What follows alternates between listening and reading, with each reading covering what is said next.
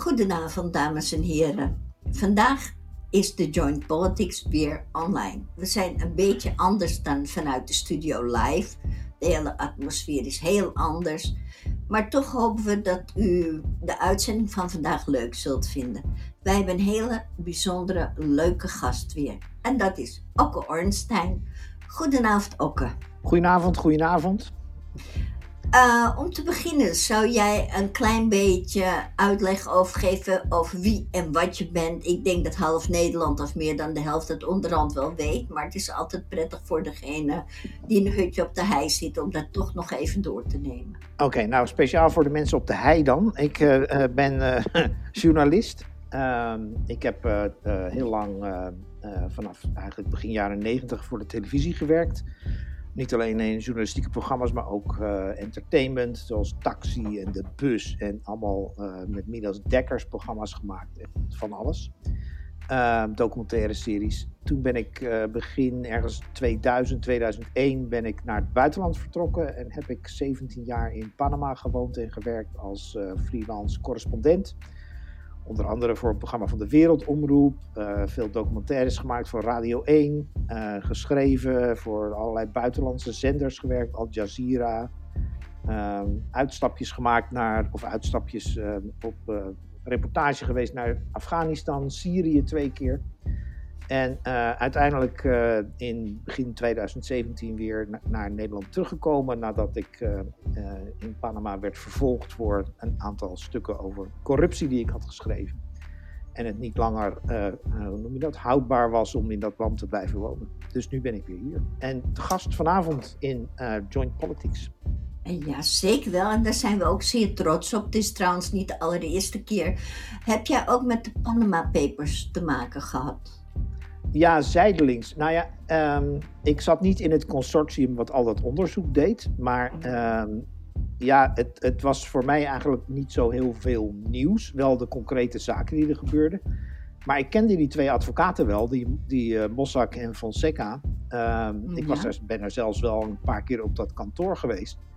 En het heeft mij altijd verbaasd dat er eh, nou, twee dingen hebben me eigenlijk verbaasd. En dat heeft ook wel een beetje te maken met waar we het vanavond hopelijk nog verder nog over gaan hebben. Het eerste was dat er uh, in de media zo ontzettend weinig uh, gesproken werd over hoe dat nou in Panama zo kon gebeuren. Hoe kan het nou dat in zo'n land uh, een advocatenkantoor ziet die dit soort dingen zeg maar ongestoord faciliteren en waarvan dan een van de partners ook nog in de regering terechtkomt? Uh, wat is dat voor een land waar dat, waar dat mogelijk is en, en, en waardoor is dat ooit ontstaan? Ik heb nooit ergens iets over gelezen. Dat ik graag wilde schrijven of, of iets over maken voor de radio. Maar ja, daar had eigenlijk niemand belangstelling voor. En wat me ook opviel, um, was dat het, um, en dat hangt daar wel een beetje mee samen, dat ik de verslaggeving over uh, de Panama Papers heel erg saai vond. Dus de, er waren allemaal onthullingen die op zich wel heel um, uh, schokkend waren. Maar het werd, uh, ik heb echt artikelen gelezen dat ik dacht, na de tweede paragraaf dacht van ja, wie leest dit nog? Het is best een vak om uh, financiële en onderzoeksjournalistiek ook op een manier te brengen die ehm, ja, dat het ook nog een beetje een sappig verhaal is waar mensen naar willen luisteren of willen doorlezen. Of, uh, het, het zijn toch uiteindelijk gewoon detective verhalen die je, die je brengt als onderzoeksjournalist. En waarom is, worden die dan gepresenteerd alsof het over de beurskoersen gaat? Dat heb ik nooit helemaal begrepen. Saai. Mensen hebben geen zin om dat te lezen. Ja, nou dat zie ik. Ik zie het nu nog steeds heel vaak hoor. Dat, uh, ja. uh, dat allerlei best ingewikkelde onderwerpen ook heel erg droog en, en, en saai gebracht worden. Ik denk van ja, dit is toch geen. Dit, dit, dit, dit, dit, is gewoon niet goed, dit. Kijk, zoals die Fonseca, die Ramon Fonseca. Um, ja, ik ga er nou nog maar even op door. Die, dat is een advocaat die. Um, het is op zich een hele interessante man. Daar heb ik ook nooit iets over gelezen. Het is bijvoorbeeld een hele uh, niet onverdienstelijk schrijver.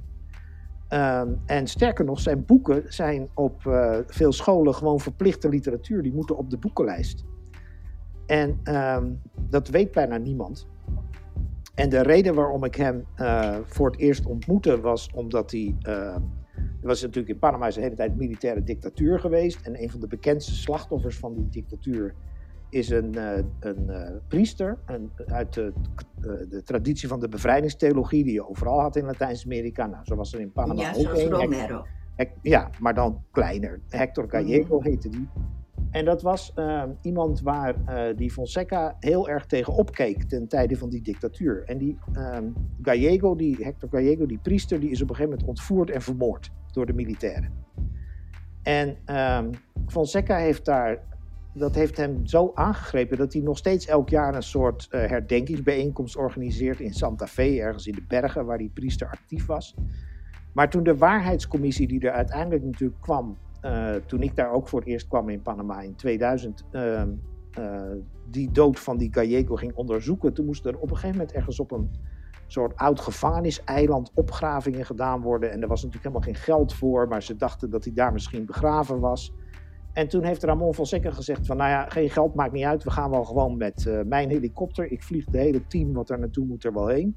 En ik zorg wel dat ze onderdak hebben en te eten en te drinken. En, en toen dacht ik echt, dat is toch wel een bijzondere man. Dat je dat, nou, hij heeft dat natuurlijk een hoop geld, maar hij deed ook dat soort dingen. Ja. Dus ehm, hij lag er trouwens niet, die priester. Maar goed, eh, dat terzijde. Ehm, maar weet je, als je dat soort, als je echt onderzoek doet en je, en je verdiept je in dat soort achtergronden, dan krijgt zo'n verhaal over die Panama Papers ook veel meer diepte. Eh, iedereen deed er in het, bij ons een beetje lacherig over dat die Panamezen die waren echt super beledigd. Die vonden, het, die, die vonden het een soort aanval op hun land dat die onthullingen gedaan werden en dat er zo over het land gesproken werd. En dat, dat was, ja, daar maakte iedereen natuurlijk een beetje grapjes over. En dat is ook wel begrijpelijk. Maar niemand heeft zich ooit verdiept van, ja, maar hoe zit dat dan? Waarom zijn die mensen daar zo boos over? Ehm, Nou, dus ja, het, het, het is, het, ik, ik vond die Panama Papers eh, in feite een soort. ehm, ja, het, het werd gevierd als een triomf voor de journalistiek. Maar ik, ik vraag me af. In sommige opzichten was het dat natuurlijk ook. Maar in een aantal andere opzichten ook niet. Toen was het een soort verarming, vond ik, van de journalistiek. Is er ook niet een serie over gemaakt? Nee, er is een, ehm, een eh, film over gemaakt. Ja. Ehm, eh, Netflix eh, heeft er een film over geproduceerd. Ehm, ik weet niet meer uit mijn hoofd hoe die heet, maar Mossack en Fonseca die hebben net een week geleden of zo. want ze hadden een, zijn een proces begonnen in de VS wegens laster. Ja. Omdat zij in die film als een stel ja, over de top tropische schurken worden neergezet. En ehm, dat proces hebben ze verloren. Dat was ook wel te verwachten. Ik vond de film niet goed. Ik vond hem wel vermakelijk, maar het had helemaal niks met de Panama Papers of Panama te maken. Niet echt, hè? Nee, nee. Nou goed, ook nu zitten we toch ongeveer eh, de kant op van eh, Amerika. Dan ga ik Mhm. je even snel één vraag doen over Amerika, maar dan over Noord-Amerika, over de Verenigde Staten. Mhm. Van de week was de inauguratie van Biden en Harris. Denk jij dat er nu een echte change komt of gaat het verder op dezelfde voet? Ehm, nou, ik denk dat het eigenlijk wel voor een heel groot gedeelte ook steeds op dezelfde voet is verder gegaan. Want ehm, kijk, toen Trump werd verkozen, ehm, om te beginnen was dat, was dat voor iedereen die eh, in Zuid-Amerika heeft gewoond of zich in dat continent heeft verdiept, was Trump niks nieuws. We hadden in Panama, eh, voordat Trump aan de macht komt, kwam een president, eh, Ricardo Martinelli, een supermarktbaron. Dus ook een rijk zakenman, maar ook eh, met veel duistere deals zijn vermogen vergaard. En ehm, die had als gewoonte dat hij via Twitter regeerde. Dus eh, hij schold mensen uit via Twitter, hij ontsloeg mensen via Twitter, hij kondigde nieuw beleid aan via Twitter. En het hij was een soort van een vriend, hij was bevriend met en een- ook een soort volgeling van eh, Sergio Berlusconi in Italië. Daar deed hij ook zaken mee. Hmm. Dus het fenomeen van zo'n soort leider die, eh, die ja, op die manier regeert en als een soort bully door de, door de porseleinkast heen gaat en corrupt als de hel, dat, dat, dat iemand, ja, je moet wel stekelblind zijn geweest om niet te, te hebben gezien dat dat eigenlijk al bestond en dat Trump daar meer een soort eh, ja, tropische versie van was. Dan, eh, of een, een, de Amerikaanse versie van was dan, dan, eh, dan iets anders. Nou ja. En wat Trump heeft gedaan al die tijd, is waar Amerikanen zo vreselijk eh, overstuur van raakten, is dat hij is in feite niet meer dan dat hij wat Amerika altijd al deed in andere landen, begon hij ook gewoon in het binnenland te doen. Dus um, die hele uh, die migratiepolitiek bijvoorbeeld, dat opsluiten van mensen en, en uh, mensenrechten schenden en zo. Nou ja, iemand die, als je langere tijd in het uh, zuiden hebt gewoond, of in landen waar Amerikanen dingen doen, dan, uh, ja, dan is dat helemaal niks nieuws. Maar voor Amerikanen was het natuurlijk wel schokkend dat dat ineens zomaar daar gebeurde. Um, het, voor hun was het nieuw, ja. Ja, en um, dus dat heeft wel een heleboel dingen in gang gezet, ook in de VS. Uh, die hele tegenbeweging tegen dat uh, beleid van Trump die was enorm sterk en is ook alleen maar zo sterk doordat Trump daar zat. Maar, en, en ik denk dat, uh, ja, natuurlijk moet je blij zijn dat die man weg is en dat, dat er een einde komt aan de ergste uitwassen van, van dat Amerikaanse beleid. Maar ja, we zijn natuurlijk nog niet van het Trumpisme af. Die, die 70.000 of 70 miljoen mensen die op hem gestemd hebben, die zijn er nog gewoon. En die zijn niet ineens meer, zijn niet ineens overtuigd dat, dat, dat ze dat eigenlijk niet hadden moeten doen of zo. Die denken nog steeds dat dat, een, uh, dat, dat toch het beste was. Ja, en er zitten daar toch ook ambtenaren tussen en mensen die dus eigenlijk ook wel wetten uitvoeren. Ik weet niet of je de uitdrukking kent uit Zuid-Amerika: de chauffeur is vervangen, maar de wagen rijdt door. Ja, nou ja, zo, uh, we hadden in Panama zoiets, dat, daar zijn de Amerikanen natuurlijk binnengevallen. Ja. Om uh, Noriega, de militaire narco-dictator, uh, te arresteren. En daar hadden we het gezegd dat ze hebben Alibaba meegenomen, maar de, de, de, wat is het, 40 dieven of zo? 40 rovers. 40 rovers laten zitten.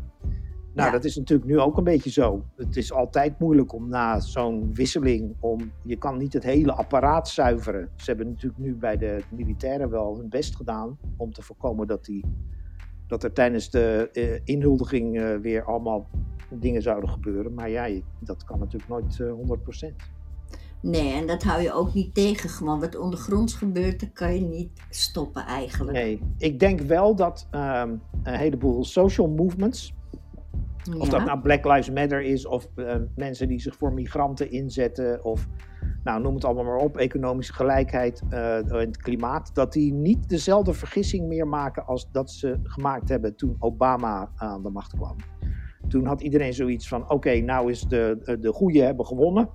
En uh, nu komt er dus ook automatisch goed beleid. Nou, dat is eigenlijk een enorme teleurstelling geworden, want een heleboel dingen veranderden gewoon niet, of heel langzaam, of uh, er toch, werd toch beleid gevoerd wat eigenlijk in strijd was met wat, waar iedereen op hoopte. En ik zie nu wel veel meer dat al die clubs nu iets hebben van ja, het is allemaal prima dat Biden en Harris en zo, maar we moeten nu gewoon zelf ook uh, uh, het gaspedaal ingetrapt houden, want anders dan is het weer van terug naar, het, uh, naar normaal en terug naar gewoon en dan verandert er weer niks. Ja. Het zou misschien mooi zijn. Ik heb van de week zitten kijken en ik vond het best wel mooi op zich. Alleen ik had toch steeds een beetje een nagevoel, want ik heb zo'n gevoel van, nou, over vier jaar moet maar eens een native aan de macht komen. Mm -hmm.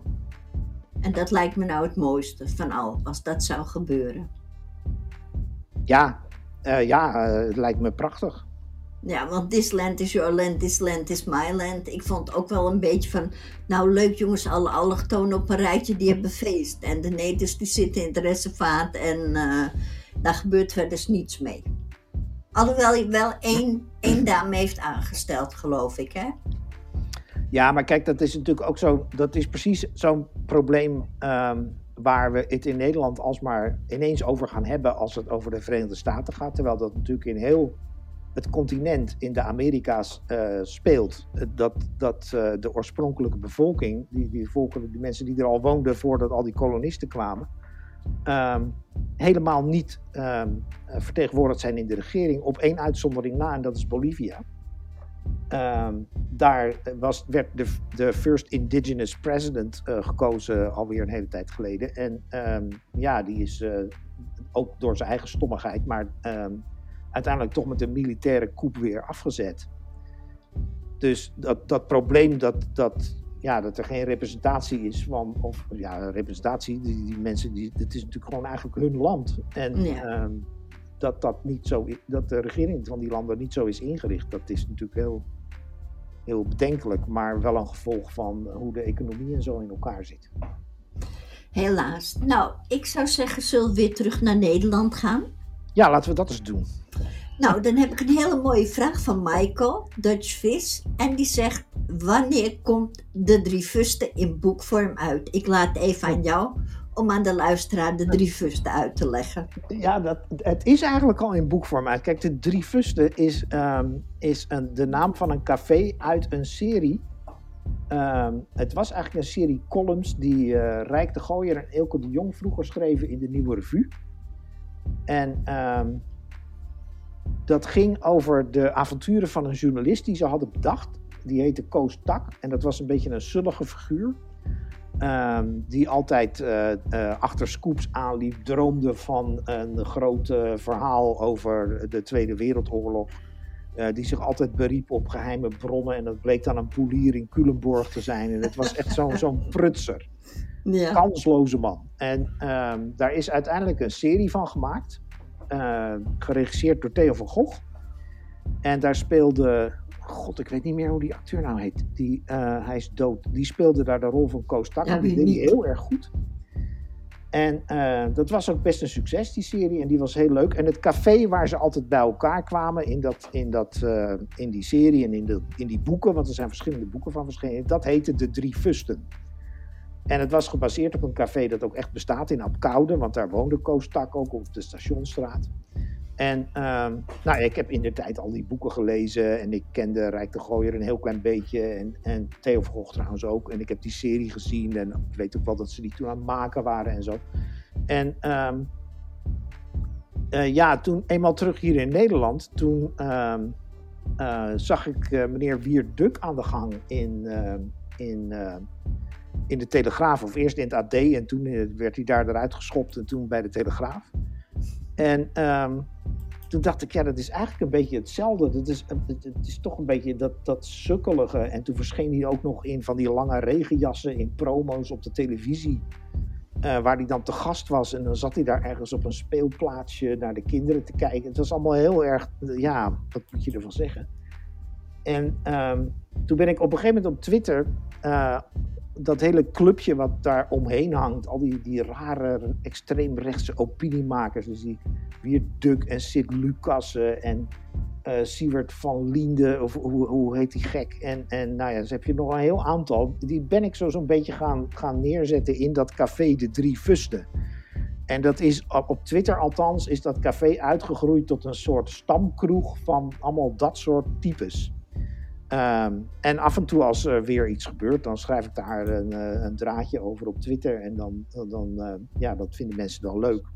Maar ik denk niet dat daar een boek van komt hoor. Dan moet ik er echt wel veel meer werk in gaan steken dan ik nu doe. En ik, ja, dan zou ik ook zelf iets willen bedenken en niet.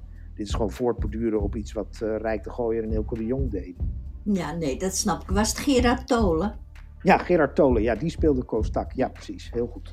Ja. Goed, ja, nou het is net 2 van 12, ik heb het even opgezocht. Dan gaan we nu verder met uh, de gewone vragen. Je hoort veel mensen die klagen over de mainstream media. En dan vooral omdat zij dezelfde vijver vissen.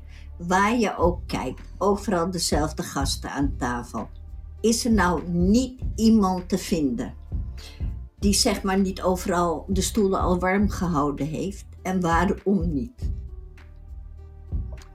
Nou, die zijn wel te vinden, maar die, um, uh, ja, die worden niet uitgenodigd.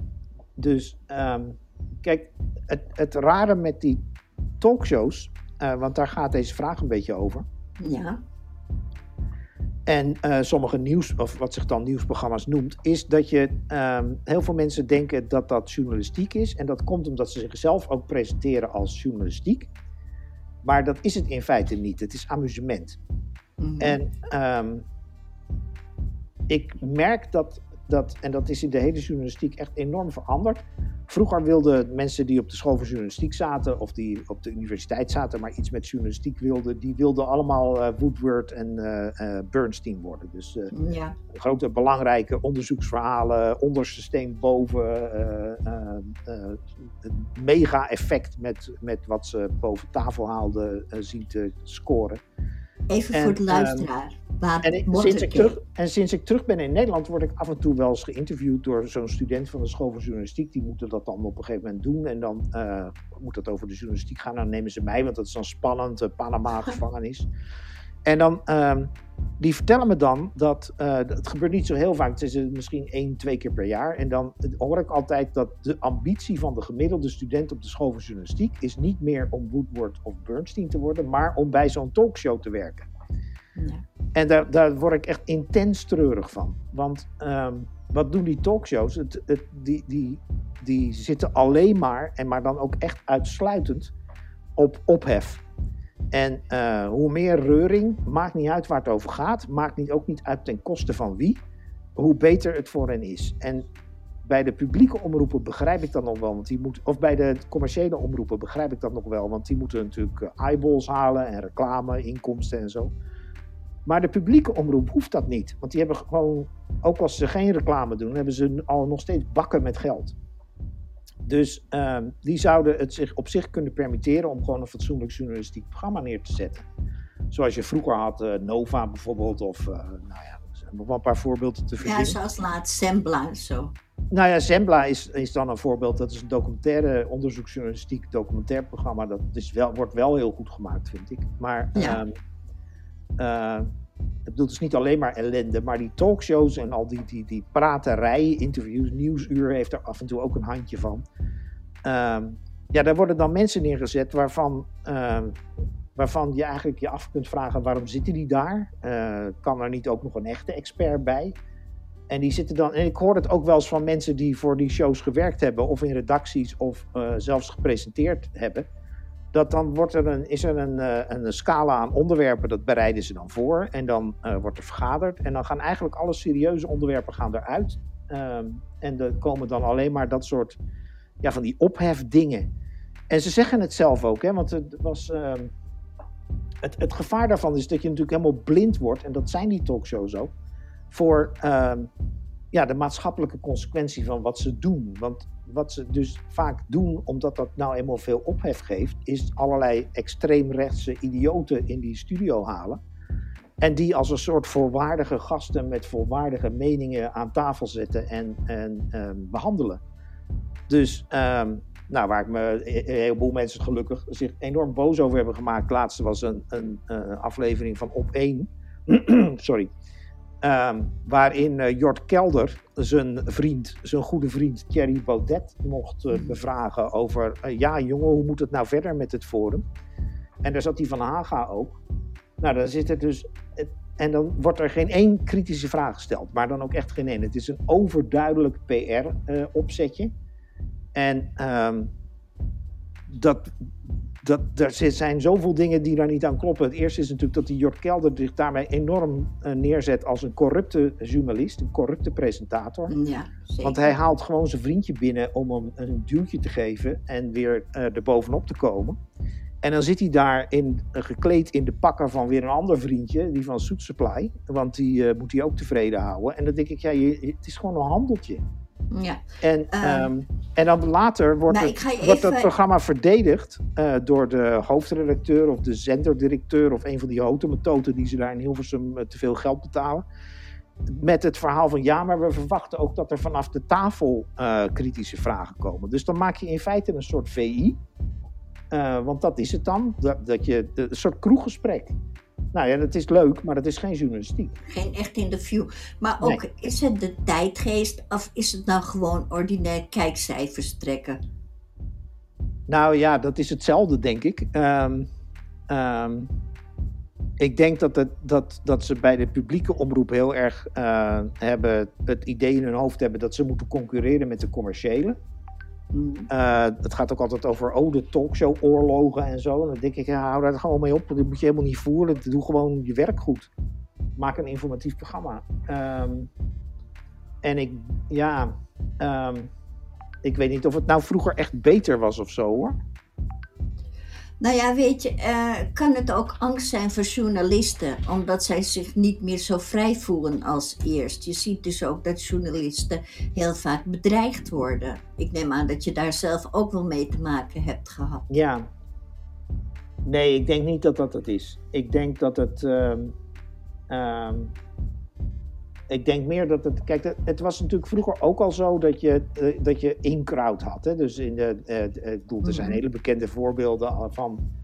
Dat je echt tenenkrommende oude filmpjes waarin dan een journalist, een minister, lunchvragen stelt. En dat is in feite. legt hij alleen maar de bal op de stip en die mag lunch dan inschieten. Ehm, dus, dus ja, dat soort, dat soort dat, dat, journalisten zich niet kwijten van hun, hun, taak, dat, dat is op zich niks nieuws. Ehm, maar wel dat ze, um, ja, dat ze echt zo op de ophef gaan zitten en alleen maar op effectbejag hun programma's samenstellen. en dat zie je bij kranten trouwens ook. Want we, hadden we toch op een gegeven moment een interview met Baudet, waarin hem uh, uh, eerst werd gevraagd naar, zijn, naar een etentje met een, stel, met een stel neonazies. En daarna ja, heb je eigenlijk een vriendin. Weet je, dat soort. Ja. Dat is gewoon journalistiek prutswerk. Gewoon gebroddel. Nou, je zou het bijna koddig noemen. Hè? Je zou het bijna koddig noemen. Ja, maar het is dus heel gevaarlijk. Want, want wat, daar, wat je daarmee doet, is het normaliseren van. Uh, ik ben ook niet de eerste die dat zegt. Je normaliseert daarmee dat soort uh, politici of mensen met dat soort rare ideeën. Of mensen die zeggen dat corona niet bestaat of zo. Mhm. En dan doe je dan alsof dat een, een valide mening is. In plaats van te zeggen van ja, je lult uit je nek. Je, wat doe je hier in dit programma? We gaan niet met onzin om de tafel zitten.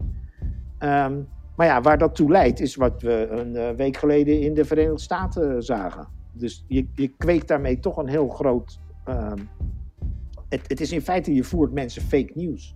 Ja. En, en een soort foute propaganda, waardoor ze gaan geloven dat, uh, ja, dat allerlei dingen die niet waar zijn, wel waar zijn. Zoals, nou, QAnon is dan een goed voorbeeld. Uh, en dan krijg je dus uh, dat allerlei tuig het parlement bestormt. En niet alleen in de Verenigde Staten, maar dat hebben ze in augustus in Duitsland ook al een keer geprobeerd. Nou, Dezelfde soort mensen met hetzelfde soort ideeën. En die krijgen ze niet uh, omdat ze op straat uh, in een park zitten, maar omdat ze media consumeren die, en die ideeën voert. Oké, we komen hier zo nog even op terug, maar dan wil ik je even één ding vragen. Is er een verschil in journalisten van vroeger? Ik noem even wat namen van heel vroeger. Jan de Graaf, Ad Langebent, Henk van Hoorn, Sonja Barend en nu. Ik weet, er zijn ook heel goede journalisten op het moment. En toch zie ik vaak op televisie mensen die zich journalist noemen, die een niveau hebben van dat ik denk, nou je kan zo bij de Hennis en Maurits gaan werken. Zie jij er een verschil in? Nou, er was natuurlijk altijd wel een. Um, ik, ik, weet niet of er nou zo'n groot verschil in zit. Um, ik denk dat er minder journalisten zijn, maar dat, dat zoals ik net al vertelde, wat je op de school voor journalistiek, scholen voor journalistiek hoort. Um, ik denk dat er minder journalisten zijn die nu echt door, um, nou noem het maar idealisme gedreven aan dat vak beginnen. Die echt willen, die echt zien dat er dingen uh, uh, uitgezocht moeten worden en uh, de macht voortdurend gecontroleerd moet worden. Ze zijn er natuurlijk wel, want we hadden die hele toeslagenaffaire niet gehad zonder, zonder goede journalisten. Ja. Um, en zo zijn er nog wel een heleboel voorbeelden. Het is niet, ik wil ook niet de indruk wekken dat het allemaal maar niks is of zo. Want er wordt echt wel heel goed journalistiek bedreven ook in uh, Nederland. Alleen uh, het is vooral die massamedia, die, uh, zoals de televisie dan voornamelijk, die heel belangrijk zijn voor de, voor de meningsvorming van mensen. Die daar echt een zootje van maken. Die het gewoon niet goed doen. En dan zie ik zo'n ehm, zo'n Shula Rijksman, die, die dan in een, de hoofd van de NPO, die dan in een toespraak zegt, zich, zegt zorgen te maken over aanvallen op journalisten. Maar dan wel um, op het andere net, bij wijze van spreken, zit Jort Kelder uh, met, uh, met Van Haga en Thierry Baudet, die juist al dat soort mensen opstoken die journalisten aanvallen. Tegen dus dan denk ik, ja, dan, dan, dan, dan weet je dus zelf gewoon niet wat je aan het doen bent eigenlijk. Dan, dan, ja. Ja, dat, nou, buiten dat om, in Den Haag is het niet een beetje een spelletje geworden tussen de journalisten en de politici in Nederland. Maar ook bijvoorbeeld als je ochtendprogramma's hebt waarin, waarin politici komen. Ik zie bijvoorbeeld nooit echt dat het doorgevraagd wordt. Echt goed doorgevraagd. Nee, maar dat, uh, dat spelletje dat had je natuurlijk dat is al wel heel lang hoor. Dat, dat is op zich niks nieuws. Het is alleen, misschien is de PR wat professioneler geworden. En de voorlichters, dat zijn er natuurlijk veel meer. Maar je had vroeger ook al dat uh, parlementaire journalisten en uh, wat uh, hoge politici, ehm, die hadden zo'n clubje en die gingen dan één keer per maand met elkaar eten. En dan bespraken ze zo de gang van zaken in het land. En daar kun je je natuurlijk ook van afvragen of, of je als journalist je op die manier met de macht in moet laten. Net, dat is hetzelfde als dat misdaadjournalisten um, ja, daar zijn ook van die gevallen dat je niet precies weet, um, uh, zijn ze nou vrienden met die misdadigers of doen ze er verslag van? Weet je? Ja, uh, nee, ik snap Die, die scheidslijn is, is natuurlijk. Ik, mijn, ik, ik, ik, ik, heb er een enorme hekel aan om politici te interviewen. En um, ik probeer het ook altijd te vermijden. En ik wil ook eigenlijk niks met ze te maken hebben. Want ik vind dat ze aan het soort werk wat ik doe eigenlijk niet iets toevoegen. En vaak moet het dan, omdat je dan officieel even moet vragen eh, om een reactie. Maar ik heb eigenlijk nog nooit meegemaakt dat dat ook iets opleverde. Is het ook niet een beetje onvermijdelijk dat bepaalde journalisten met politici op een hele goede voet staan? Vanwege dat ze constant in hetzelfde kringetje verkeren? Ja, dat, dat is, maar dat, dat, is, dat is het vak. Ik bedoel, um, dat, het, het, vak is, als je politieke journalistiek bedrijft, dan zit je daar alsmaar in Den Haag, in die nieuwsport en zo. Um, dat je daar genoeg distantie moet houden van, van je onderwerp om het nog kritisch te kunnen uh, bevragen. Ja. Uh, en dat is natuurlijk met die talkshows ook, uh, of met radioprogramma's, dat als je daar politici ontvangt, dat je die niet ja, het wordt toch een beetje moeilijk als je, weet je, op zondag met iemand gaat vissen en je op maandag moet je hem doorzagen over, omdat hij gelogen heeft over de toeslagenaffaire. Dat, dat, dat, dat, ja, dat snapt iedereen wel, denk ik, dat dat zo niet werkt. Dat ligt moeilijk. Maar ja. wat ik ook bijvoorbeeld zie, is dat een heleboel mensen die dus een journalistiek programma presenteren, die hebben dan politici. En dan nou laten we een heel flauw voorbeeld nemen. Jinek met de katten van uh, Wilders. Ja dat is toch een soort van vervlakking van journalisme. Ja, maar dat is wat, eh, dat is wat Jinek deed met Wilders, was eigenlijk precies hetzelfde als wat uh, Jort Kelder deed met Baudet en Van Haga. Gewoon een podium bieden waarop ze zich kunnen etaleren en, en zich kunnen voordoen als normale mensen. Terwijl ze dat niet zijn. Het zijn nazi's of het zijn fascisten op zijn minst. En uh, ja, het is. Uh, uh, ja, om dat dan journalistiek te noemen, dat is natuurlijk totale onzin. Ja, het heeft er niets mee te maken. Nee. Dan heb ik een vraag voor je als journalist. En die vraag komt van iemand die vraagt hoezeer zowel zijn ervaring in Panama als de ervaringen met Laila in Syrië, waar je 100% elkaar moet kunnen vertrouwen in de oorlogssituaties, zoals die een paar jaar terug was, jou in staat stelt om nu ook bepaalde media onderzoek naar fraude, maar ook repliek geven aan gevaarlijk extreemrechtse idioten die ook dreigen, net als sommige fraudeurs. Um, dus Zullen we stukjes hakken? Nou ja, de vraag, nou ja, ik begrijp het wel. De vraag is eigenlijk of, al die, of mijn ervaring in Panama en in uh, oorlogsgebieden zoals Syrië en Afghanistan, of, dat, of ik daar iets aan heb hier in Nederland als het gaat om onderzoek doen of uh, uh, het, het, het, het, omgaan met uh, de dreiging van extreem rechts, om het zo maar te zeggen. Ja, en het antwoord is ja, want ehm, ehm, ja, ik, ik, ik liep voor bijvoorbeeld een tijd geleden, vorig jaar, ergens in Den Haag op die demonstratie van, of een van die demonstraties van die boeren rond, was ik foto's aan het maken. En um, nou ja, dan waren, de helft was gewoon dronken. En um, die stonden daar allemaal met die tractoren op dat Malieveld. En het was een enorm gedoe en herrie en Wilders was er. En natuurlijk weer. En toen stond ik op een gegeven moment foto's te maken van een stel uh, jongens. En die waren daar, stonden allemaal met vier bieren in hun hand te schreeuwen bij dat stoplicht daar voor, het, voor de, nou, de Koemarkt heet dat daar geloof ik. En um, er kwam er één naar me toe en die zei: uh, Ja, als je die foto ergens publiceert, dan weet ik je te vinden. En toen keek ik hem zo aan en ik zei: Ja, maar ik weet jou nog veel beter te vinden, want ik heb jou namelijk net jouw foto gemaakt. En daar had hij dus ook helemaal niet voor terug. Maar ik wilde maar mee zeggen: Ik ben er niet bang voor. En dat komt wel niet, door nee, dat soort goed. situaties waar, ja. Weet je, ik heb, er is op me geschoten en zo. Ik heb met de Taliban om de tafel gezeten en allemaal dingen gedaan uh, waarvan mijn familie altijd zegt van doe dat nou niet. En dus ja, als ik dan bij zo'n demonstratie ben en ik zie ook dat soort bedreigingen en, en, en dingen, nou ja, zoals om zich lastig vielen, de Kamerlid, en ehm, zoals journalisten bedreigd worden en zo. En ik snap wel dat in Nederland mensen dat niet gewend zijn en daar ook heel ehm, emotioneel op reageren. Maar ik denk ook van ja, eh, voor mij in ieder geval is het meer zo van ja, jongen, wat wil je nou? Uh, ik bedoel, dit, schiet toch allemaal niet op, dit. Al die, die nee, het is een beetje. Zo. Het, het, het, ook zo'n, je hebt zo'n account nou op Twitter, vizier op links. En die, die zitten er allemaal mensen op te stoken en zo. En die gaan dan informatie opzoeken. Het is allemaal te klungelig om, uh, om, uh, om waar te wezen. Maar ja, er wordt dan uiteindelijk wel iemand ontslagen door, door dat, dat account zo'n herrie loopt te schoppen. Maar op zich, in een heleboel gevallen denk ik, ja, daar moet je gewoon helemaal niks van aantrekken. Dat is een, een of andere zieligerd op een zolderkamertje die dat zit te doen. En, en, ja, en, ja, ja. op zijn pantoffels. Ja, ik denk wel dat je. Um, je moet serieuze bedreigingen moet je ook serieus nemen. Ik vind het wel goed dat daar wat aan gebeurt. Uh, het is ook helemaal niet zo dat ik het wil bagatelliseren of zo. Maar ik merk zelf, want dat was je vraag, um, dat ik er helemaal niet van onder de indruk ben. Van, van al die rechtsgekken met hun verhalen. Echt totaal niet.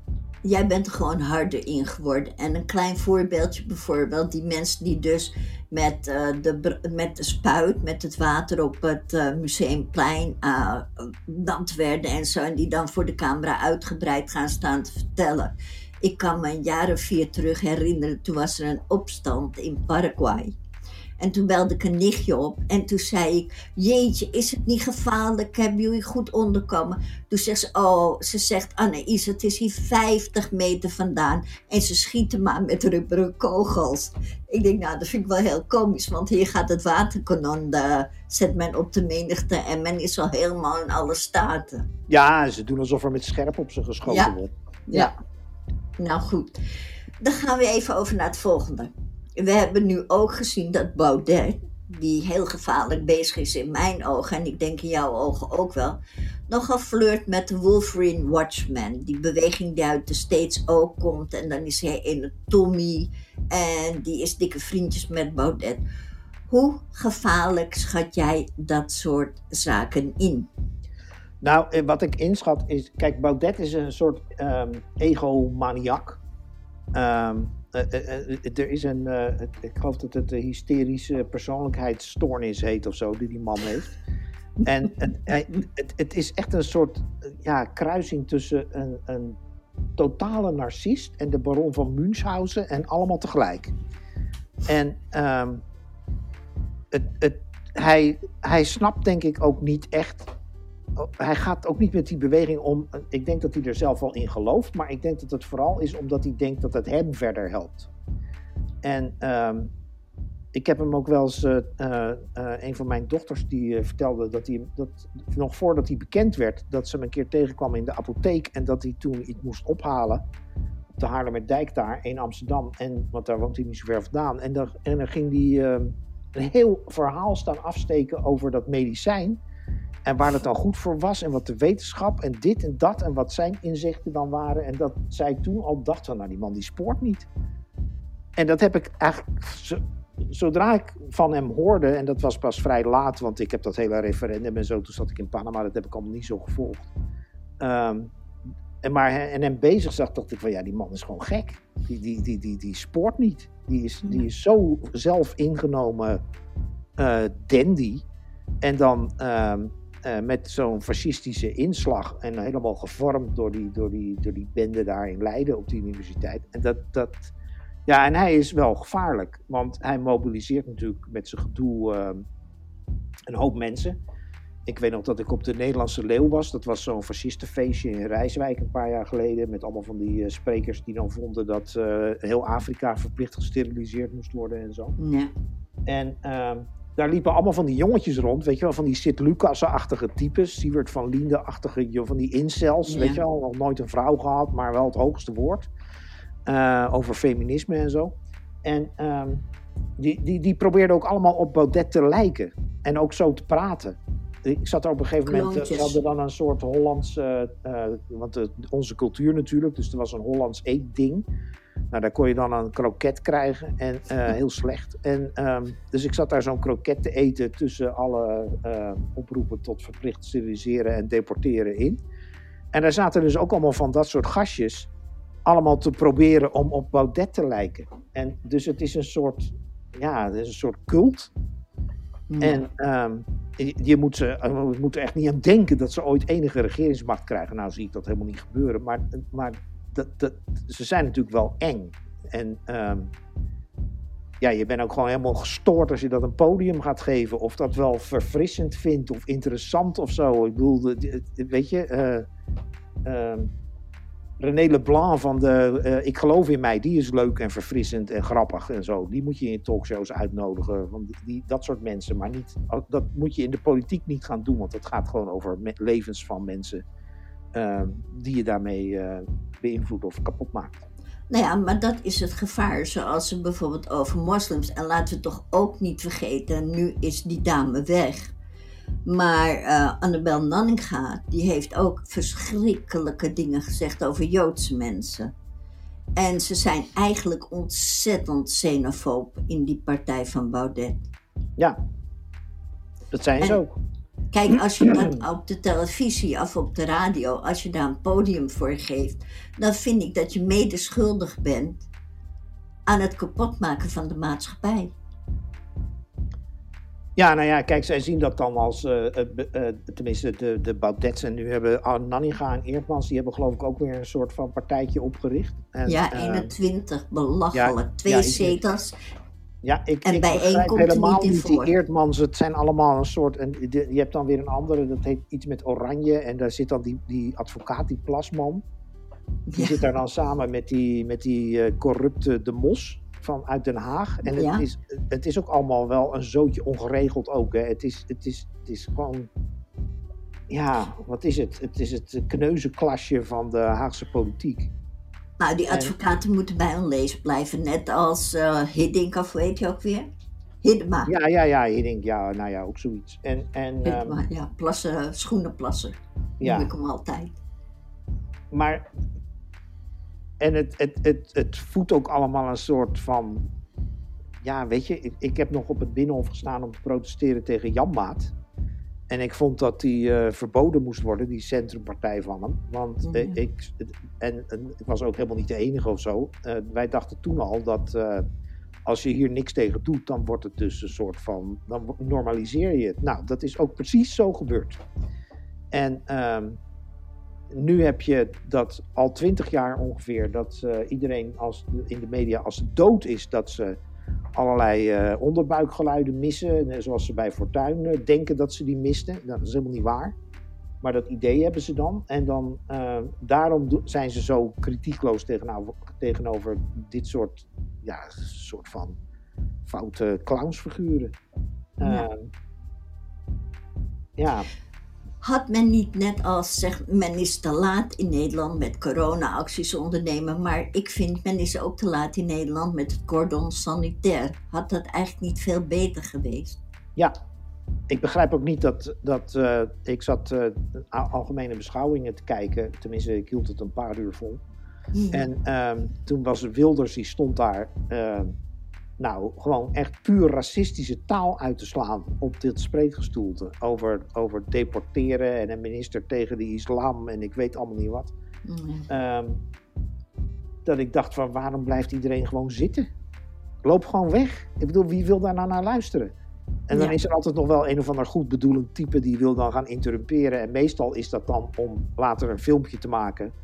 Eh, om te laten zien dat zij toch wel echt het opnemen tegen eh, Wilders eh, zijn gifspuiterij. Maar je- moet er toch eigenlijk gewoon helemaal niet bij willen zitten. Als dat, als dat tuig aan het woord is in de Kamer. Baudet precies hetzelfde. Die trekt dan een heel geleerd gezicht. En dan begint hij eigenlijk precies hetzelfde soort taal uit te slaan. Maar die oreert echt de meest maffe, ik weet Ja, niet maar wat, als die en, ik, ik begrijp niet goed waarom je daar. Als ik in de Kamer zou zitten, zou ik denken: ja, dan ga ik, ik, ik wil, we moeten gewoon weggaan. Laat hij daar maar in zijn eentje gaan staan gaan zwetsen. Maar dat zie je, dat is een soort van politieke correctheid. Jij, En ik in iets mindere mate, maar doe het ook vaak, maak harde opmerkingen. Maar dan zie je toch snel dat mensen zeggen: ja, maar de vrijheid van meningsuiting. Terwijl wij nu eigenlijk een geval hebben van door de democratie worden we om zeep geholpen met dit soort figuren. Ja, het, maar het heeft ook helemaal niks te maken met vrijheid van meningsuiting als je niet naar iemand wil luisteren. Of uh, als je zegt van uh, uh, ga dit even ergens anders doen.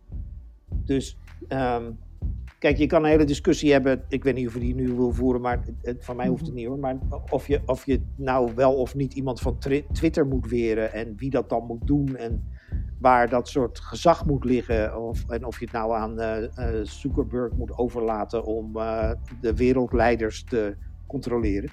Sorry.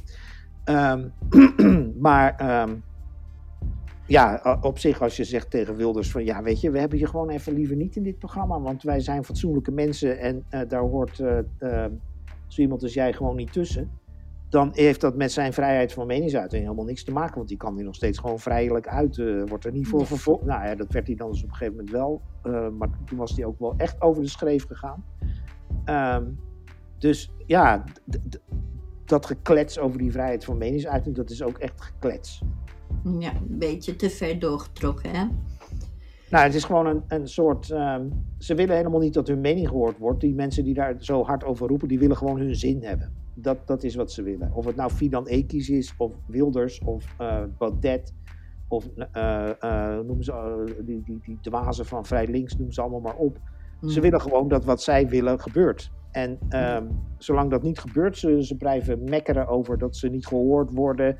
En dat ze gecanceld worden. En dat ze vrijheid van meningsuiting in het geding is. En al dat gejank en gejammer wat we al jaren horen van die lui.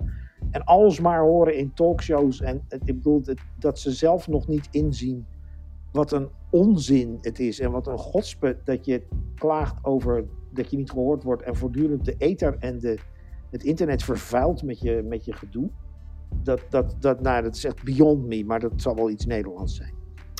Ik weet het niet. Ik vind het ook heel vervelend en ik erger me er vreselijk aan. En bij mij is de lijn, als je komt met narcisme, zoals deze figuren toch wel een handje van hebben, dan is het bij mij afgelopen. Dan uh, moet je weg, want dan deug je niet klaar. Zo simpel. Maar goed, dat is dan mijn mening. Ik ga nog een vraag doen. Hoe zit het met de extreemrechtse beweging De Base? Onder andere, laten we dit allemaal niet te ver gaan of is het al te laat? Want mijns inziens wordt hier niets aan gedaan.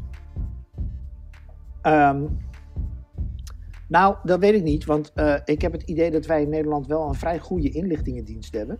En um, uh, ik denk dat we nog verbaasd zouden staan hoe ver die geïnfiltreerd zijn in allerlei extreemrechtse clubjes en bewegingjes. En, uh, en gekken die denken dat ze op de hei moeten gaan trainen voor de gewapende strijd. Uh, ik denk dat, ze dat, dat we in Nederland echt wel in onze handen mogen knijpen dat ze dat vrij goed in de gaten hebben. Hmm. Dus ik weet niet, ik, ik ben er hier. Kijk, Nederland is ook helemaal geen land op dat soort. Je, je kan de, ze kunnen natuurlijk wel. Je kan natuurlijk altijd een gek hebben die een politicus gaat doodschieten of zo. Dat hebben we in het verleden ook gezien.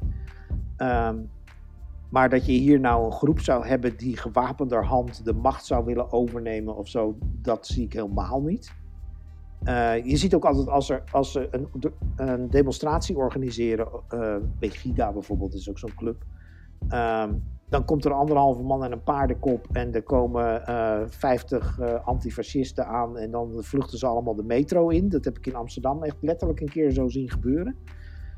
Dus ja, het, het, en ik heb natuurlijk tussen die blokkeervriezen gestaan daar in Leeuwarden om te kijken wat, hoe dat bij die rechtszaak ging. En het zijn toch allemaal een beetje losers. Ja. En um, het, het, heel veel van die mensen zijn gewoon allemaal. Het, je hoorde al die verhalen in de rechtbank. Ook bij de bedreigers van Silvana. Het proces heb ik ook een hele volle drie dagen bij gezeten.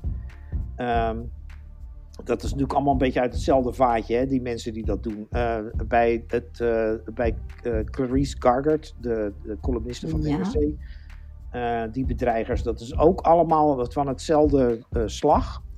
En het, um, het zijn een heleboel mislukte levens. Dus mensen die uh, al uh, vanaf, ik weet niet hoe vroeg, in allerlei, hoe noem je dat, strafrechtelijke problemen zaten, mm. schulden, uh, gedoe met huwelijken, gedoe met werk, alleen maar gedoe. En um, komen mensen nooit ergens, kunnen niks, willen niks. En gaan vervolgens op een, uh, ergens in hun kelder, zijn ze dan een held uh, op het internet. Ja, met een aantal volgers die net zo hard meedoen. Nou ja, ik, ik vond het wel frappant. Ik zat naar die beelden te kijken. Uh, en er komen steeds, nog steeds nieuwe foto's en zo van die bestorming van het Capitool in de VS. Ja. En ik, voor mij is het een soort déjà vu van, de, van die actie op de snelweg, van die blokkeervriezen. Het, nou, het is hetzelfde soort van van uh, waanzin uh, en van een, een, soort, die mensen voelen zich ineens machtig, terwijl ze nooit macht hebben. En, uh, en die verdienen ze ook niet, want ze hebben er niks voor gedaan om, om, om macht te hebben of om invloed ergens op uit te oefenen. Ze hebben ook geen verhaal. Het is alleen maar, ik bedoel, USA, USA is geen verhaal. Of uh, wij zijn Nederland, wij zijn Nederland. Dat is geen verhaal. Dat, wat zeg je daar nou mee? Ja, wij zijn Nederland. Oké, okay. ja, goedemorgen. En dan een kroket serveren, ja. Hè? Ja. Dus, en dan een kroket wat niet eens Nederlands is. Ja.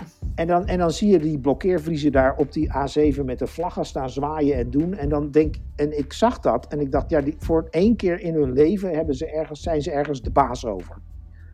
Uh, want verder hebben ze echt nooit wat bereikt. En um, dat dacht ik met die luider en het kapitool ook. Tenminste, een heleboel die je daar op die foto's ziet. denk ik, ja, die gaan het hier nog jaren over hebben. En dat was bij dat proces tegen die blokkeervriezen ook. er waren er een paar die zeiden, ja, dit is de mooiste dag van mijn leven was het denk ik, nou, als, als dat de mooiste dag van je leven is, dan heb je toch gewoon een enorm kutleven. Dan heb je geen leven. Maar is het misschien ook niet zo ook dat juist dit soort figuren ingezet worden als stoottroepen door degene die erachter zitten? Ja, nou ja, ze zijn natuurlijk enorm makkelijk te beïnvloeden. Ja. Je zegt drie keer USA, USA en, en we hebben de verkiezingen zijn van ons afgepakt en ze geloven het gewoon. Dus ja, het, het, het is niet. Uh, ja, dat is natuurlijk heel makkelijk om die te gebruiken en, en op te jagen en zo. En je ziet dat Baudet dat ook steeds doen. Die, die valideert dan dat soort, dat soort onzin QAnon-verhalen door die mensen te gaan uh, toespreken en, en te zeggen dat het prima volk is en zo. Terwijl die eigenlijk moet zeggen van jullie moeten hiermee ophouden. Zou je dat ook in meer of mindere mate kunnen zeggen over de boeren die hier ja. toen ja, absoluut. Ik denk, kijk, die boeren hebben natuurlijk wel vrij concrete belangen. Namelijk hun, uh, hun uh, het voortbestaan van hun bedrijf, of in ieder geval van hun, uh, hun, financiële positie. En ik denk dat een hoop ook best in de knel zitten en zo. Dat geloof ik allemaal graag. En dat, dat onderscheidt ze wel een beetje van die, van die gekken die tijdens de toespraak van Rutte op panna staan te slaan bij het Binnenhof. Want die, die ja, die hebben gewoon er is geen enkel concreet belang of zo, wat die, behalve dan witte suprematie, eh, hebben die verder helemaal niets uh, te verdedigen. Um, terwijl die boeren, daar, daar kan je nog van zeggen van ja, die, die, een aantal daarvan strijdt om hun voortbestaan. Of dat terecht is of niet, daar kun je het over hebben. Maar er is wel een soort van concreet belang waarvan ik denk, ja, dat respecteer ik ook wel. En ik vond ook dat een heleboel mensen maakten zich druk over die tractoren en zo. En maar dat, ja, ik vind het ook wel een beetje ik vind dat protest best een beetje ruig mag zijn. Het hoeft niet allemaal netjes, en, want dat is natuurlijk ook heel Nederlands. Je moet op het Malieveld en dan moet je netjes op je stipje gaan staan. En dan mag je met een vlaggetje zwaaien, maar niet te groot, want dan zou je er iemand mee kunnen bezeren. En dan, ja, wat is dat dan voor protest? Weet je, dus ik, ik is snap ook wel van. niet georganiseerd door de Farmers Defence Force? Nou ja, kijk, dat is wel dat ze zich daar vreselijk door laten opjagen. Nee. En die hebben natuurlijk ook allerlei foute politieke motieven. En, en, en dat wordt dan gerund door iemand die heeft een netse farm. Nou, dat, dat is natuurlijk geen enkel maatschappelijk belang gediend bij een netse farm. Nee, wie en al helemaal niet als hij gaat zeggen dat ja, wij voeden de Nederlanders. Ja, met wat dan? Netse? ja, we dragen het ook niet meer, dus... Uh, nee. Het heeft geen nut. Oké, ik kom nu bij de laatste vraag. Oh, ik vind het heel interessant. Ik kan uren met je doorgaan praten. Maar oké, hier komt hij. Uh, er is een model dat heet Ronald Laken. En die heeft dus over de demonstraties gezegd. Hij dreigt, ik citeer. NOS-journalisten die verslag deden van Rellen Museumplein met zwarte lijst. En dan zegt hij: Ik zou ook vluchten uit Nederland, omdat ik weet dat jou iets wordt aangedaan. Dat is mij verteld via via. Je kunt ook ontslag nemen en de haal weer van de zwarte lijst af. Dit is toch pure intimidatie? Ja, dat is het ook. Maar het is ook. ehm, ehm, ja, ik weet niet. Kijk, de NOS heeft nou aangifte gedaan. Dat vind ik goed dat ze dat gedaan hebben. Eh, ik vind ook dat die man moet worden opgepakt en moet worden berecht. En dan krijgt hij waarschijnlijk een taakstraf. Ehm, Schoonmaken Ja, bij Baudet. ja, nou ja, ja, nou precies. eh, De, die voordeur van Baudet, waar die, die, die alsmaar betriedert. Ehm, de- eh, dus ja, ik, ik, ik hou daar dan een soort gevoel aan over van ja, is dat, is dat het dan? Want Die, je moet die man natuurlijk ook wel een beetje laten zien dat je, dat je het gewoon ook echt niet pikt. Mhm. En ehm, ik bedoel, ja, ik weet niet wat ik zou doen als ik nou van de NOS was en ik had daar echt iets te zeggen. Ik was geloof ik wel met een satellietwagen naar zijn huis gereden. Van nou, vertel maar dan. Ja. En eh, weet je, op die manier. En, eh, Hem onderuit halen met zijn woorden. nou ja, laat hij het maar in mijn gezicht zeggen dan. In plaats van op een of ander filmpje op eh, Instagram. En hoe ga je dat doen dan? En wie zijn dat dan die die, die, die zwarte lijst maken? En laat zien dan. Ja, dat is via En- via, hè? Ja, nee, maar dat, bedoel, als hij het erover heeft, dan zal hij ook wel, dan moet hij ook vertellen, dan willen we ook man en paard, zoals dat heet. En eh, dus het wordt ook, je doet aangifte en dan gaat er, en het zijn allemaal mensen die goed werk doen van Persveilig en de NVJ en zo. Ehm, en die, die man zal ook wel, als hij dat al niet is, gearresteerd worden en dan wordt hij verhoord en dan wordt hij weer vrijgelaten en dan moet hij op een gegeven moment voorkomen en zo. Ja. Ehm, dat is goed dat dat gebeurt, maar het is. eh, eh, ik hou daar. Ik, dat vond ik bij die bedreigers van Clarice en van eh Sylvana en zo, vond ik dat ook. Ik denk van ja, dan krijgen ze een taakstrafje. Nou goed, en dan, eh, voor hen zijn er nog 10.000 anderen die hetzelfde doen. Want eh, die dag dat Clarice wegliep uit, het, uit de rechtbank. Nou ja, toen had je in, op Twitter en op Facebook eigenlijk alweer genoeg materiaal voor nog een rechtszaak, snap je? Dus Ja. het, het, het doen van aangifte en, ehm, en dan wachten op vervolging is klaarblijkelijk niet afschrikwekkend genoeg voor mensen om daarmee te stoppen. ja. Ja, wat er dan wel moet gebeuren, weet ik ook niet precies. Maar eh, eh, ehm, het- dit, is, dit is in ieder geval niet dé oplossing. Het is goed dat het gebeurt, maar het is niet voldoende. Niet de manier. Oké, dan ga ik je nog een ding vragen. Er komen verkiezingen aan. Ik hou mij politiek afzijdig. Althans, ik ga stemmen. Ik heb ook mijn politieke voorkeur, maar die ga ik niet zeggen. Omdat ik een heleboel politici van alle gezinten binnenkrijg. Maar vertel eens even, wat heb je voor een verklaring getekend? Wat is dat? Oh, ja. Nou, ik heb een, eh, een eh, ondersteuningsverklaring getekend voor Bijeen. Dat is eh, de partij die ge- opgericht is door Sylvana Simons. Ehm, die zou ik trouwens, ik ga op ze stemmen, maar ik ga, die zou ik ook getekend hebben als ik niet op ze ging stemmen. Want ik vind namelijk dat ze gewoon mee moeten kunnen doen overal aan de verkiezingen. Ja, En ehm, eh, ik vind het belangrijk voor de democratie dat een partij als deze meedoet. En omdat, dat vind ik omdat ze een, eh, een verhaal hebben over, eh, met name over racisme en eh, dat iedereen gelijk is in dit land. Ehm, dat door de andere partijen veel te vaak wordt vergeten. En ik verheug me echt op Sylvana in de Kamer. Die, ehm, ik weet niet of je het racisme-debat hebt gezien van een paar maanden geleden. Dat gevoerd werd eerst op de televisie met Jort Kelder weer. En, en, en toen in de Kamer. Nou, het was zo'n aanfluiting. Hm. Ik kreeg er zo'n migraine van. En eh, dat ik denk, dat zou heel anders gaan als daar zo iemand als Sylvana zit. En dat is ook gebleken in de Amsterdamse gemeenteraad. Ja. Dat eh, zij in er eentje in staat is om, eh, waar het gaat om racisme en, en, en aanverwante onderwerpen, gelijkwaardigheid, dat zij in er eentje er heel goed in staat is om de agenda daarover te beïnvloeden of zelfs te bepalen. Dus ik vind dat dat moet, eigenlijk moet gebeuren en op zijn minst dat ze mee moet kunnen doen aan de verkiezingen. Dus daarom daar moet je dan eh, bij zo'n nieuwe partij, die moeten dan eh 40 mensen in een provincie hebben die dat ondersteunen. Dus ik dacht, nou, dat ga ik gewoon doen. En Ja. eh, dus ik ben naar het gemeentehuis hier getogen en heb daar dat ondertekend. Het is heel simpel en dan eh, krijg je hem weer mee met allemaal stempels erop. En dan wordt het geregistreerd dat jij dus de deelname van die partij aan de verkiezingen ondersteunt. Nou, ik vind dat een hele mooie afsluiting. Ik zou zeggen dat iedereen moet dat doen, want tenslotte moeten wij ook tegenwicht hebben tegen partijen als de PVV en de FVD. En ik denk dat we daar met bijeen ook een goede partij hebben. Wat ik wel niet begrijp, nog even een kleine opmerking. Ik zag een of andere poll weer. En daar stond, hoe heet dat, 21 met die twee uh, geflipte Eertmans en Nanninga. Mm. Die stonden al op twee zetels. En in alle polls tot nu toe heb ik Sylvana, althans bij één, op geen één zetel zien staan. Is dat, wordt het achtergehouden of hoe zit dat? Nou, ik weet het niet precies. Er zijn met een aantal polls werd ze eerst niet meegepold. Werd uh, bijeen niet uh, betrokken bij de vragen. Dus er kon niemand zeggen van ja, ik zou bijeen stemmen. Volgens mij is dat intussen wel veranderd. Maar kijk, met dat soort, met die kleine partijen, want laten we eerlijk zijn, Sylvana gaat geen tien zetels halen.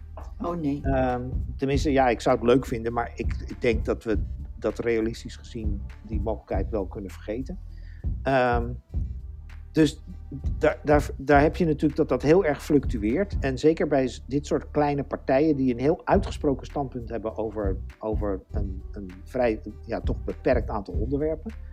Um, gaan mensen natuurlijk heel snel wisselen ook. Dus dan, en dat zie je bij extreem rechts heel erg. Um, dan, want dan, ja, dan zijn er weer allerlei splitsingen. En nu en dan Nanninga en hoe heet die man met die enge ogen, die Eertmans. Die, die, die, die gaan dan nu ineens twee zetels peilen. Maar hebben die dan wel al die ondersteuningsverklaringen al rond? Dat weet je, moet je dan ook nog maar afwachten. En uh, dus weet je, de, die peilingen, dat zegt iets over wat mensen zouden stemmen. Maar kunnen ze er dan ook op stemmen? Ja. Um, en bij, uh, bij links heb je natuurlijk dat, dat um, uh, GroenLinks had die hele affaire met uh, die, die, die moslima, die Qatar. Mm. Um, daar gaan dan heel veel mensen ineens omheen staan of achter staan. Van ja, die moeten we steunen, dan ga ik op haar stemmen. En, en, uh, en terecht ook wel, maar dat, dat zal uh, bijeen wel wat stemmen kosten, denk ik. Dus um, ja, dat, of dat nog steeds zo is als die verkiezingen er zijn in maart, dat moet je dan ook maar weer afwachten. Dus ik vind het heel moeilijk om er iets over te zeggen. Ik hoop dat het gewoon lukt, dat we één of twee zetels uh, krijgen en dat dat geluid wat nu gewoon helemaal niet in de Tweede Kamer wordt vertegenwoordigd, dat dat er dan in ieder geval wel is. We gaan het afwachten. We hebben nog anderhalve maand. En uh, het zou fijn zijn als mensen dus die verklaring in ieder geval gaan ondertekenen. En ik hoop dat ze in ieder geval met twee à drie zetels in de Kamer komen. Ook we zijn aan het eind van ons gesprek gekomen. Nou, mijn drankje is ook op. Dus ik vond het... weer even naar de koelkast. Oh.